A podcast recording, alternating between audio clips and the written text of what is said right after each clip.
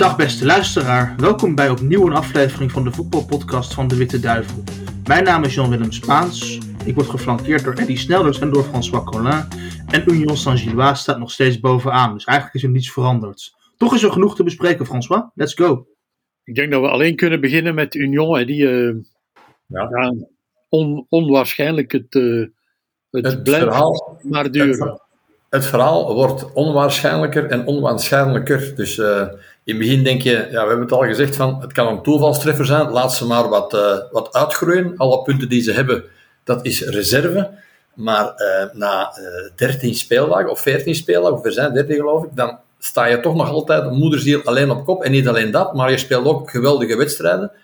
Het gevaar Undaf van Zijr is algemeen gekend, maar nog altijd niet in te dijken. En ook het geheel daar rond wordt sterker en sterker, want buiten de wedstrijd op A-agent, waar dat ze inderdaad heel veel geluk gehad hebben, moet ik zeggen dat er toch geen sprake is van gekregen punten. Er zijn overal punten gehaald verdiend. Er zijn zelfs te weinig punten gehaald, zoals thuis tegen Club Brugge. En nu opnieuw tegen Charleroi, dat bekend staat als een vrij moeilijk manoeuvreerbaar elftal, was het halfweg eigenlijk al helemaal gebeurd. Dus ik denk bij mezelf, ja, is het dan toch een Leicester-verhaal dat we hier aan het schrijven zijn. Het, het, het, lijkt meer en meer die kant op te gaan. Dus uh, ik zou zeggen, alle uh, zogezegde topploegen, maak je borst toch maar nat om ze nog uit de play-off 1 te houden. Want dat lijkt me een vrij, een vrij moeilijke, moeilijk gegeven. Ja, het is ook niet dat ze ja, met, met één goaltje verschil winnen. Nu weer 4-0 tegen Charleroi. welke andere club is daartoe in staat? Nou, op dit moment geen enkel. Hè. Want we dachten altijd Club Brugge of in de tijd uh, Racing Genk, want die zijn ook nog eventjes terug opnieuw op het toerental geraakt. Met die, met die uh, score op Zulte. Maar al bij al ja, is er maar één ploeg die eigenlijk overweldigend aanvallend voetbal brengt.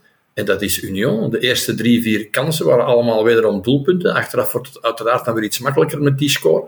Maar je moet ze toch maar maken. En het, als je ziet de topscorerslijst, ze, ze voeren daar nog een, eh, een Nederlander in langs rechts. Eh, ze voeren daar dan die Mossa in, of hoe heet die, die Japaner langs de, langs de links en die andere langs rechts. Die integreren allemaal in het elftal. De, de, die brengen nog meer scorend vermogen bij, nog assist bij. Dus ja, het is, het is op dit moment een geweldig team. Het is alleen een kwestie van waar gaat dat toch eens de eerste ploeg zijn die, deze, die dit Union Saint-Gilles een halt kan toeroepen. Ja. Durf jij beweren dat ze geen kampioen worden? Ja, ik, ik, ben nog altijd niet overtuigd dat ze kampioen gaan worden, maar ik ben wel meer en meer overtuigd dat zij inderdaad in die play-off 1 zullen thuis horen. En dat zij daar nog een rol van betekenis gaan spelen. Maar als ik nu al zeg, ze gaan kampioen spelen, nee, dat weten we, dat verhaal kennen we. Dat hebben we vrij jaar met Club Brugge meegemaakt. Een geweldig seizoen, een mijlenvelle voorsprong eh, voordat de play-offs beginnen. En krasseld naar het einde geraken, dat zou Union ook wel kunnen overkomen. Natuurlijk, zeker er is een gebrek aan ervaring. Die competitie alleen is niet voldoende. Er komt nog een surplus dat nog zwaarder is en eigenlijk belangrijker is. En je weet, in België, elke ploeg buiten Union heeft wel eens een diep. En zelfs als je 10 punten voor staat, gedeeld door 2, zijn er 5. Uh, eh, als je dan wat minder aan die uh, eindronde begint, weet je sowieso dat het heel snel kan keren. Er is al dikwijls gebreken. En uh, daarom ben ik daar zeker nog niet zeker van. Ga je ze uit de play-off 1 houden? Dat wordt al een heel moeilijke karwei. Dus dat, daar ben ik wel van overtuigd dat ze mee zullen spelen. Maar kampioen, dat is nog een andere, een andere zaak. Wat de topclubs betreft, of wat topclubs zouden moeten zijn, ja, daar valt maar uh, één woord op te plakken: wisselvalligheid. Grote wisselvalligheid. Uh, positieve wisselvalligheid was er dit weekend bij Antwerpen. Dat toch, uh, waar dat Priske heb ik eens een, uh, op zeker moment een WhatsApp zien verschijnen van het Priske trekt het maar uit, uit het stopcontact gisteren is gebleken dat, eh, de, wat de spelers betreft, dat die nog wel bereid zijn om voor Priske te spelen en helemaal niet die intentie hebben om eh, Priske eigenlijk af te serveren. Want gisteren was er een Antwerp, een wilskrachtig Antwerp, energiek, dat vooruit wilde spelen. Eigenlijk het beste Antwerp dat ik tot nu toe gezien heb. Misschien ook met toedoen van een passief Anderlecht. Maar goed, oké, we beoordelen ploeg per ploeg. Dus Antwerpen, laten we zeggen, dat is een positief weekend geweest. Een heel positief, een overwinning, aansluiting uh, bij de tweede plaats en een, uh, een weerlegging van de negatieve berichten van de speeldagen daarvoor, die heel slecht waren. Wat Brugge betreft, ja, die komen uit een midweek, eh, ook uit een midweekwedstrijd, maar um, die hadden eigenlijk op zeker moment een makkelijke wedstrijd, een wedstrijd met 2-0.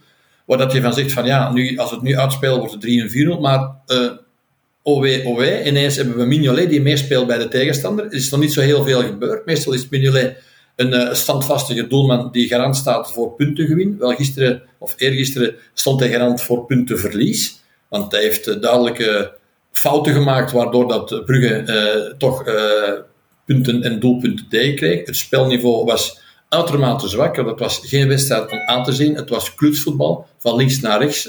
combinaties heel schaars. Dus mindere dag voor Club Brugge.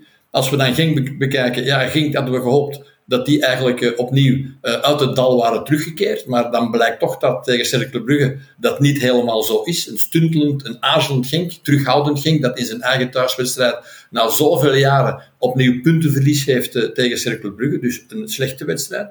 Als we Gent zien, goed, dat was de best voetballende ploeg tot nu toe. Veel reclame voor gemaakt. Alleen wat het scorend vermogen was het niet aanwezig, want dat bleek gisteren opnieuw. Alleen het spelniveau op zich was veel minder, waardoor dat zij ook een heel variabele en matige wedstrijd speelden op zijn En dan last but not least, ja, de filosofie van Anderlecht. Waar is de filosofie van Anderlecht? Bal in balbezit. Wij maken het spel zelfs uh, op het veld uh, van de tegenstander bij de bezoekers toe. Daar heb ik gisteren niks van gemerkt. Ik vond gisteren een terughoudend, angstig Anderlecht dat probeerde de gelederen te sluiten. Tactisch alles rondom uh, de 16 meter dicht te houden. Maar weinig initiatief naar voren toe. aanvallend waren het schimmen. Uh, we spreken dikwijls van uh, kandidaat internationals. Wel, die heb ik bij Anderlecht gisteren tot mijn grote spijt niet gezien. Het was alleen een ploeg die dacht van de schade te beperken, maar helemaal tegen de filosofie van de Project In werd er niet naar voren gevoetbald en werd er geen aanvallend voetbal gepropagandeerd. En dat is een vraagteken, want het feit dat Anderlecht op dit moment zo weinig punten heeft, heel veel gelijke spelen, weinig overwinningen, deze nederlaag daarbovenop, ja, dat zou inderdaad wel eens kunnen leiden tot iets meer kritiek, want ook voor Anderlecht is het wel op zeker moment het moment om het recht waar te maken. Ja, van de andere topploegen kan je nog zeggen dat het misschien de combinatie is met de Europese wedstrijden die deze periode zo zwaar en moeilijk maakt. Inderdaad. Bij, bij Anderlecht is dat niet eens het geval. Inderdaad, dat moet er nog bij komen als supplementair uh, bezwaar. Dat Anderlecht de enige ploeg was die uh, geen midweek heeft gehad. Dus zij moesten het friste zijn. Zij moesten in principe uh, degene zijn die het voortouw zouden nemen. Zij kwamen tegen een gewoon dier, tegen een ploeg die thuis tegen de reserve van Fenerbahce belachelijk werd gemaakt. Waar dat ik wel vind dat de grootste dader de supporters waren. Want als zij aanwezig hadden geweest, had het misschien nog iets anders geweest. Maar zij hebben hun ploeg ongelooflijk in de steek laten. Uh, remember Frankfurt. Maar oké, dat, uh, dat niet in ogenschouw genomen is het Anderlicht eigenlijk die de meeste voordelen had kunnen krijgen of moeten nemen uit deze, dit weekendvoetbal. En zij zijn de enigen die dat niet gedaan hebben. En dat is heel eigenaardig, heel merkwaardig. En dat stemt natuurlijk tot veel vragen die ook Company wel eens binnenkort zal krijgen, veronderstel ik. Ja, het lijkt ook Eddie, alsof dat geen enkele ploeg in staat is om uh, twee goede wedstrijden in vier, vijf dagen te spelen. Hè? De enige ploeg die het Europees echt goed deed vorige week was Racing Genk. Ja, en die mogen dan blij zijn dat ze een puntje gestolen hebben tegen Cercle Brugge. Ja, ja, zo is het ook. Het is zo dat de, de belasting, eh, ondanks het feit dat bijvoorbeeld Antwerpen eh, in midweek met een heel andere ploeg speelt, de kernen zijn meestal wat verbreed met het oog op die vele wedstrijden, blijkt toch nog altijd dat eh, na een midweek of voor een midweekwedstrijd, want soms gebeurt het ook wel eens dat er twee, drie dagen daarvoor eh, minder wordt gepresteerd, maar dan zeggen we goed, die concentratie ligt al drie dagen verder, want dat zijn dan heel belangrijke punten, dus het zou wel eens wat minder kunnen zijn. Maar dan twee, drie dagen na een wedstrijd, ja, moet je normaal toch opnieuw klaar zijn. Uh, je kan uit je, je kern toch links en rechts een element nemen dat wat rust heeft gekregen in die midweek of omgekeerd. En dan blijkt toch nog altijd dat dat uh, niet mogelijk is voor die clubs om twee, drie keer na elkaar eigenlijk een constante in hun prestaties te leggen. Behalve de, de wisselvalligheid van de topclubs wordt deze competitie ook gekenmerkt, vind ik, door veel slechte wedstrijden. Uh, kan dat te maken hebben met de coronatoestanden, waardoor we eigenlijk twee seizoenen aan elkaar gesmeed hebben en er veel te weinig uh, rust is geweest voor de spelers? Dat zou kunnen, maar ik, ik, denk dat het vooral is dat de nivellering tussen de ploegen eigenlijk zo, zo groot is, of zo diep bij elkaar is, dat, uh, dat het moeilijk is dat er geen dominante of echt dominante ploegen zijn die een andere ploeg kunnen wegzetten. En dat dat, dat vooral de reden is dat het minder is. De ploegen zijn aan elkaar gewaagd. Ze beginnen zich tactisch wat te verschuiven. Ze hebben angst om van elkaar te verliezen. En dan zie je ook dat het spelniveau uh, zich ook dikwijls afspeelt op hele korte ruimtes, waar dat het natuurlijk moeilijk is om tot goede combinaties te komen. Maar ik denk dat het vooral iets is, het, het, het niveau van de clubs onderling dat die, als je nu op dit moment twee keer na elkaar wint, als je ziet KV Mechelen, maken een reeks van, van, van, van, van hoeveel? Van, van 16 op, op, op 18. En dan nu ineens schuiven ze opnieuw uit. En al bij al, door die 16 op 18, schuiven ze naar de tweede plaats. En nu als ze twee keer verliezen, staan ze terug 10. Dus het nivellering tussen de nummer 12 en de nummer 3 of 2, die is enorm groot. Anderlicht dat derde kunnen staan met zijn overwinning. Ze verliezen nu, nu staan ze achtste. Maar oké, in België is er geen nood aan uitschuiven. Dat is niet zo belangrijk, want je kan je altijd nog links en rechts herstellen. Ten eerste heb je ploegen uh, je die ook wel uitschuiven een van de volgende weken. En langs de andere kant delen we nog eens alles lekker door twee. Maar het is zo dat de meeste ploegen heel dicht bij elkaar aangerezen. Echt niveauverschil in kernen of in kwaliteit van ploegen is veel minder geworden. En dan kan iedereen van iedereen winnen. En dan heb je ook van die partijen waar dat er inderdaad uh, terughoudend en tactisch op kloffe afstanden wordt gespeeld.